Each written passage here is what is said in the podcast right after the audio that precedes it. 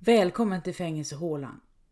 Här synar jag gamla kriminalfall, eller very cold cases och även om jag dramatiserar en aning försöker jag hålla mig så nära sanningen som möjligt. Brotten som jag tar upp är både kända som okända och spänner över det mesta, från fylleri till mord. Dagens avsnitt tar vid där det förra slutade. På avrättningsplatsen Kallbäcken på gränsen mellan Medelpad och Ångermanland den 14 november 1860. Klockan har passerat nio på morgonen och Jonas Jonsson ligger i jorden. Böden Jakob Gyll har dragit sig tillbaka till den lilla provisoriska kojan som byggts strax intill. Avrättningsplatsen är städad.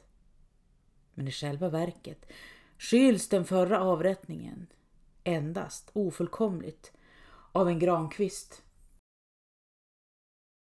Efter ett så kallat lämpligt uppehåll stannar nästa fångkärra en bit från stupstocken. Den andra dödsdömda för dagen är en kvinna och Sundsvalls tidning rapporterar. Märkvärdigt visade sig vid många tillfällen att kvinnan i de viktigaste ögonblicken av sin levnad har större själsnärvaro än mannen. Jonas Jonsson hade varit i ett mycket dåligt skick och släpats till avrättningsplatsen. Samtliga vittnen är överens om att kvinnan är betydligt modigare. Hon går lugnt mot döden och under vägen mot stupstocken sjunger hon en psalm med hög röst. Prästen frågar om hon bävar inför döden men hon svarar att Jesus är mitt liv och döden en vinning. Det är en vacker kvinna, skriver Sundsvalls tidning, med håret uppsatt i en krona så att halsen är fri. Samtidigt som prästen hjälper henne till rätta smyger Jakob Gyll ut ur sin koja och Sundsvalls tidning avslutar. När hon låg på stupstocken sa hon Herre Jesu, anamma min ande. Det var Jakob Gylls sista avrättning. Kvinnan hette Sara Zetterlund eller Sara Nordin eller bara Sara. Hon föddes den 11 december 1820 i byn Köring i Nordingrå församling vid Höga Kusten mellan Härnösand och Örnsköldsvik. Hennes mor, Anna-Britta Persdotter, var en fattig änka som hade flera barn att försörja. Hennes make, färgaren Mårten Nordin, hade dött i mars 1813, två månader innan Anna-Britta födde sitt fjärde barn. Anna-Britta Nordin var drygt 40 år när Sara föddes. Det finns inga uppgifter om faderns namn, men familjen var mycket fattig och modern hamnade senare på fattighuset i Nordingrå. Sara Nordin arbetade som piga på en lång rad platser inom Nordingrå, Bjärtrå och Ullånger. Hon flyttade ofta, slet och tjänade och den 29 september 1844, under tiden som hon arbetade som piga i Kallsta i Ullånger, födde hon sitt första barn, en dotter som fick namnet Britta-Kajsa. Barnafaderns identitet röjdes aldrig, utan han kallades kort och gott för okänd. Tre år senare, den 30 november 1847, födde Sara sitt andra barn. En son som fick namnet Johannes. Även Johannes far kallades för okänd. Fem månader senare gifte sig Sara. Hon och torparen Per Zetterlund vigdes i Skog den 28 april 1848. Sara var 27 år och Per 56. Per Zetterlund bodde i Gallsäter i Skogsförsamling. Han var född i Gallsäter. Hans föräldrar var bönder i Gallsäter och omkring 1824, när han var runt 30, flyttade han till en egen stuga i Gallsäter. Han hade med andra ord alltid bott i Gallsäter. Enligt prästerskapet hade han mycket usla kristendomskunskaper, snäppet över nivån att han fick ta nattvarden. Men det hade han inte gjort på många år. Äktenskapet måste ha kommit hastigt på. Några veckor innan jul 1847 födde Sara en son som Per Zetterlund inte var far till. Och i slutet av april året efter gifte hon sig med just honom. Det var ett udda par. Åldersmässigt. Han var 30 år äldre än hon. Men det var ett udda par även erfarenhetsmässigt. Per Zetterlund hade gått omkring gallsäter och bökat i hela sitt liv medan Sara hade arbetat på många olika platser och dessutom fött två barn. Sara flyttade in på torpet i Gallsäter tillsammans med sin treåriga dotter och späde son. Och den 26 juni 1851 födde hon en son till, som fick namnet Petrus. Det dröjde inte länge förrän problemen tornade upp sig. Och när sonen Petrus föddes var trätorna så svåra att omgivningen hade reagerat.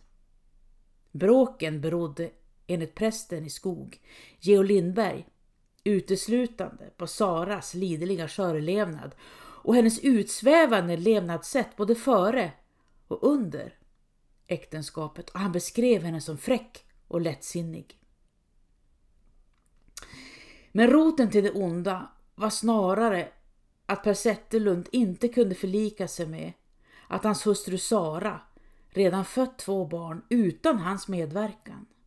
Trots att han varit väl medveten om situationen innan bröllopet kunde han inte tåla att hon redan hade två barn. Året efter sonens födelse, 1852, separerade Sara och Per, eller Per Zetterlund, lämnade torpet och flyttade in hos en Johan Nilsson i Gallsäter som tidigare dömts för stöld. Alla Pers inkomster, både från arbete och annat, behöll han för sig själv. Han delade inte med sig till Sara. Inte ett öre skulle gå till hustrun var han fast besluten om. Och inte nog med det. Per Zetterlund förskingrade det som redan fanns i hemmet. Småsaker och möbler, tyger och annat sålde han eller skänkte bort. Och Sara och barnen fick det allt fattigare på torpet. Per Zetterlund hade blivit nästan besatt av att straffa Sara. Det blev inga kläder till barnen och ingenting annat heller för den delen. Per Zetterlund undrade dem kort och gott ingenting. Och det var helt upp till Sara att själv försörja sina horungar. Många i omgivningen upprördes över vad de såg och vad som hände och vid sockenstämman den 27 november 1852 tog familjens situation upp. Per var ditkallad och Sara också. Per Zetterlunds kallsinnighet, som det beskrevs, upprörde många. Att han, trots arbetsförtjänster både under vintern, våren och sommaren, inte gett Sara och barnen ett enda öre. Han hade kort och gott inte ägnat dem det minsta omsorger. Sockenstämman beslutade att man skulle gå till botten med familjens situation. Det fanns också det och Sara var en av dem, som ville att Per Zetterlund skulle ställas under förmyndare. Och en av nämndemännen fick i uppdrag att följa upp saken. Sedan hände inte mycket. Sara bodde kvar på torpet och försörjde sig och barnen efter bästa förmåga. I maj 1854 avled Saras sexårige son Johannes. Sara var 34 år och hennes barn, Britta-Kajsa och Petrus, 10 och 3 år gamla. På sockenstämman den 5 juli 1857 togs familjens situation upp på nytt. Den var liksom tidigare ohållbar och en permanent lösning måste komma till stånd. Per Zetterlund sattes omedelbart på gästning Eftersom boet urlakats till sin botten betraktades han som ett utblottat fattighjon och i fortsättningen skulle han ambulera mellan olika gårdar inom skog som i sin tur turades om att hysa in honom och ge honom mat och husrum. Sara hade begärt Och det beslutades också att socknen skulle bygga en ny stuga åt henne och barnen. Torpet i Gallsäter skulle arrenderas ut på fem år och hemmansägaren Jonas Jonsson åtog sig att arrendera torpet för 10 riksdaler om året. Han upplät också mark på sitt norra hemmansskifte för en stuga åt Sara Zetterlund och barnen, inklusive en väg ut i Stora vägen. Sara skulle också få hämta nödig ved på hans ägor. Under sommaren eller hösten 1858 hände någonting som ströp till situationen avsevärt. Sara blev gravid och Per Zetterlund reagerade starkt. Barnet, en son som fick namnet Erik August, föddes den 11 april 1859. Eftersom Sara och Per var gifta blev Per Zetterlund automatiskt far till barnet. Men pojken var liten och klen och dog efter sex dagar.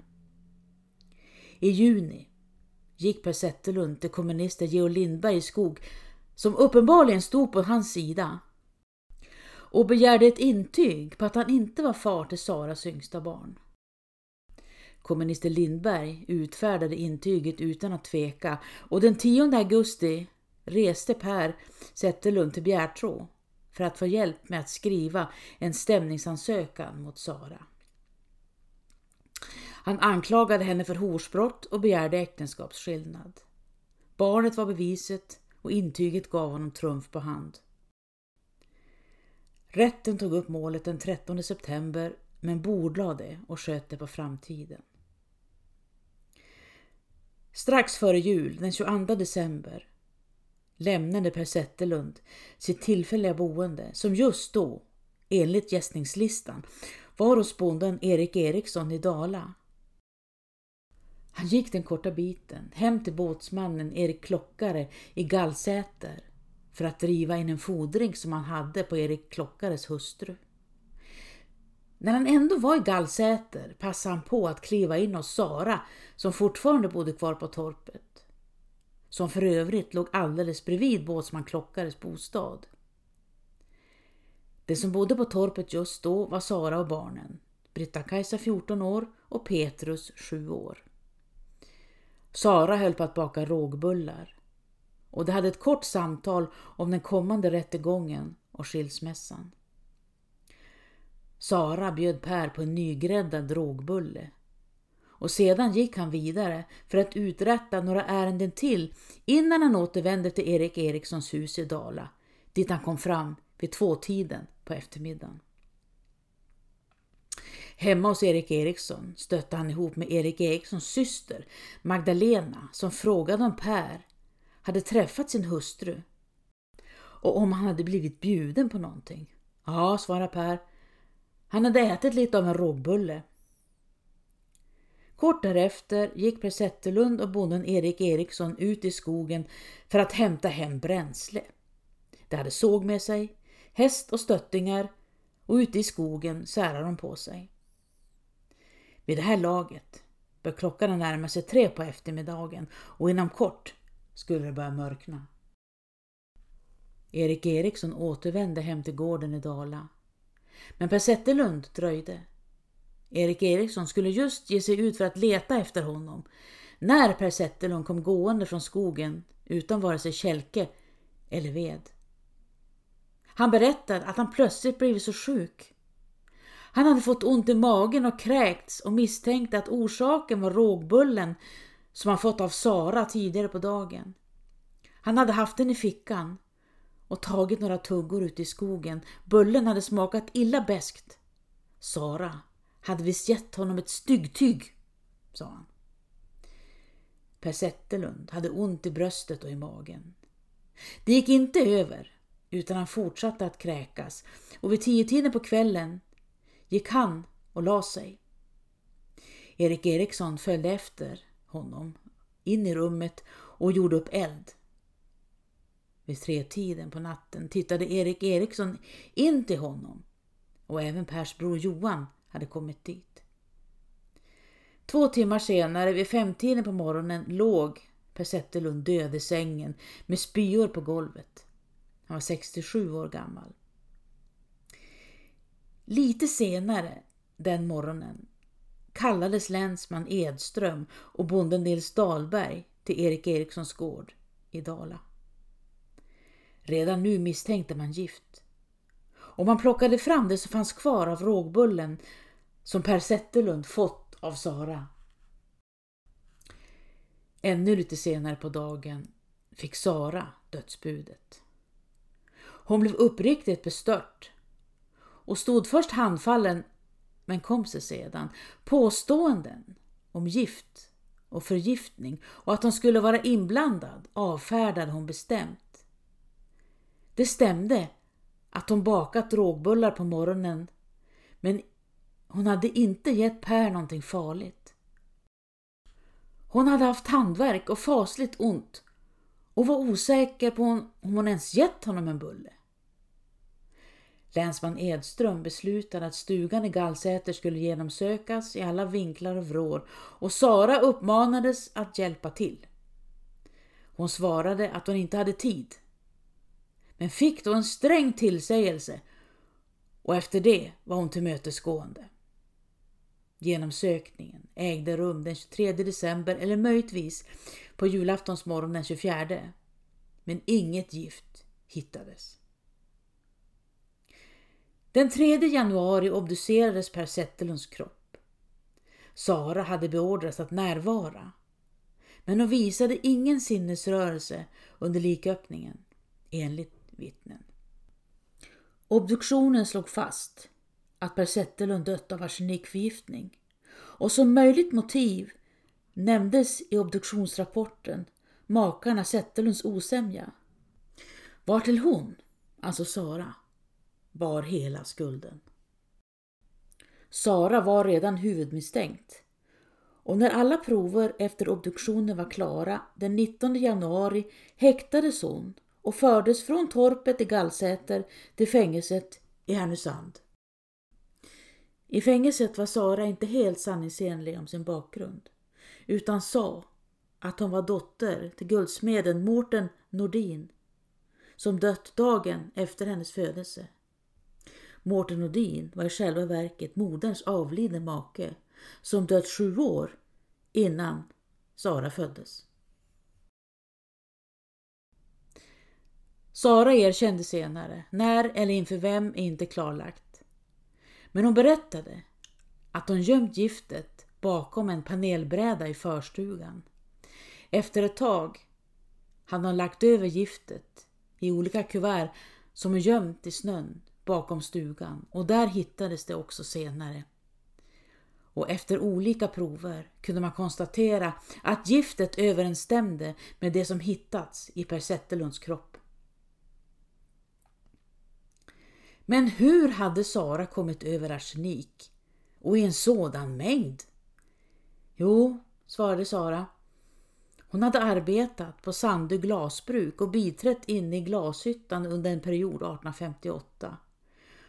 Och det var därifrån hon fått med sig arseniken. Hyttmäster Vannike på glasbruket försäkrade att arseniken som användes vid glasframställningen förvarades i ett låst skåp.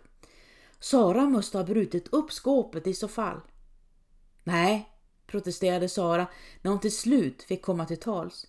Arseniken låg i flera öppna lådor ute i förrådet. Det var bara att ta för sig.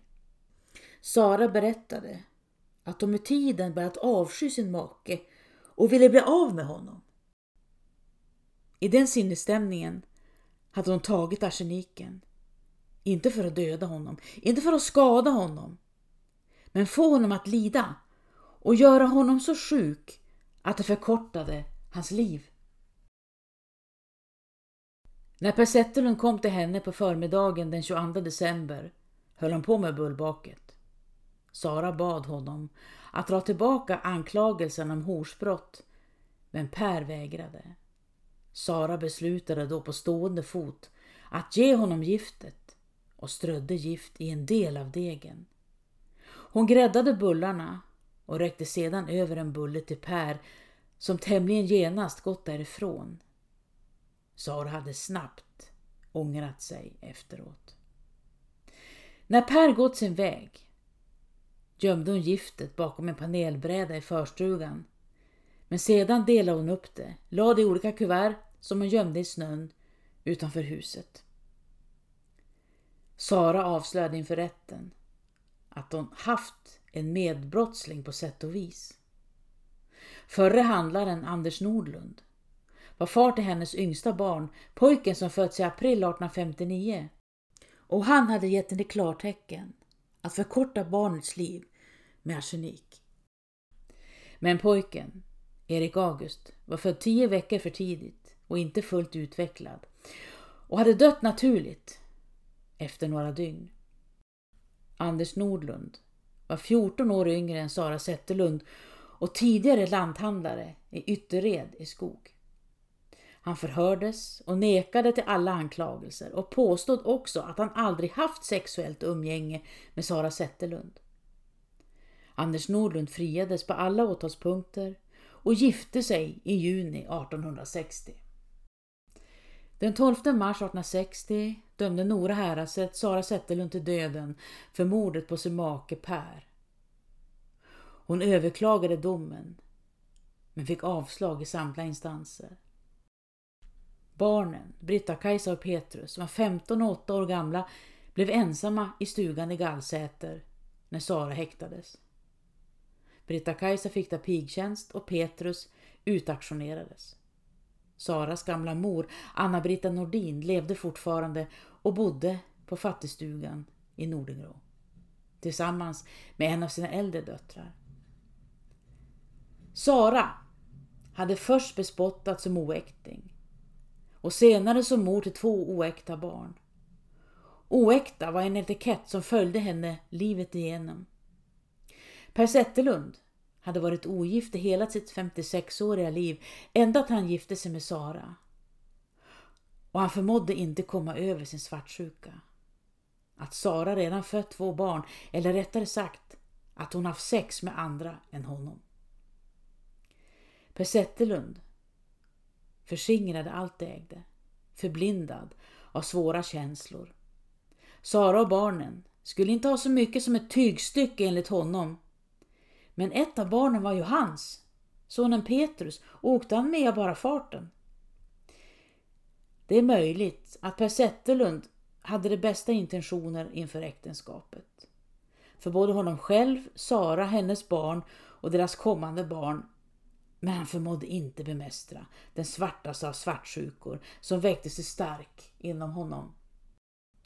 Inför sokestämman 1852 önskade bland andra Sara att Per Zetterlund skulle ställas under förmyndare. Kan hans agerande ha varit tidiga tecken på någon form av demens? Fast det är bara spekulationer. Men skiljer då? Fast det var fortfarande inte så enkelt, även om oenighet inom äktenskapet blev laglig grund till skilsmässa 1860, året efter mordet. Pressen var ju inte helt tillförlitlig som källa då heller. En tidning skriver att Sara Zetterlund förgiftat sin make för att kunna knyta an till sin älskare istället. Sara gick modigt till döden sades det. Hon hade levt ett svårt liv, haft många besvikelser och inte fått mycket gratis.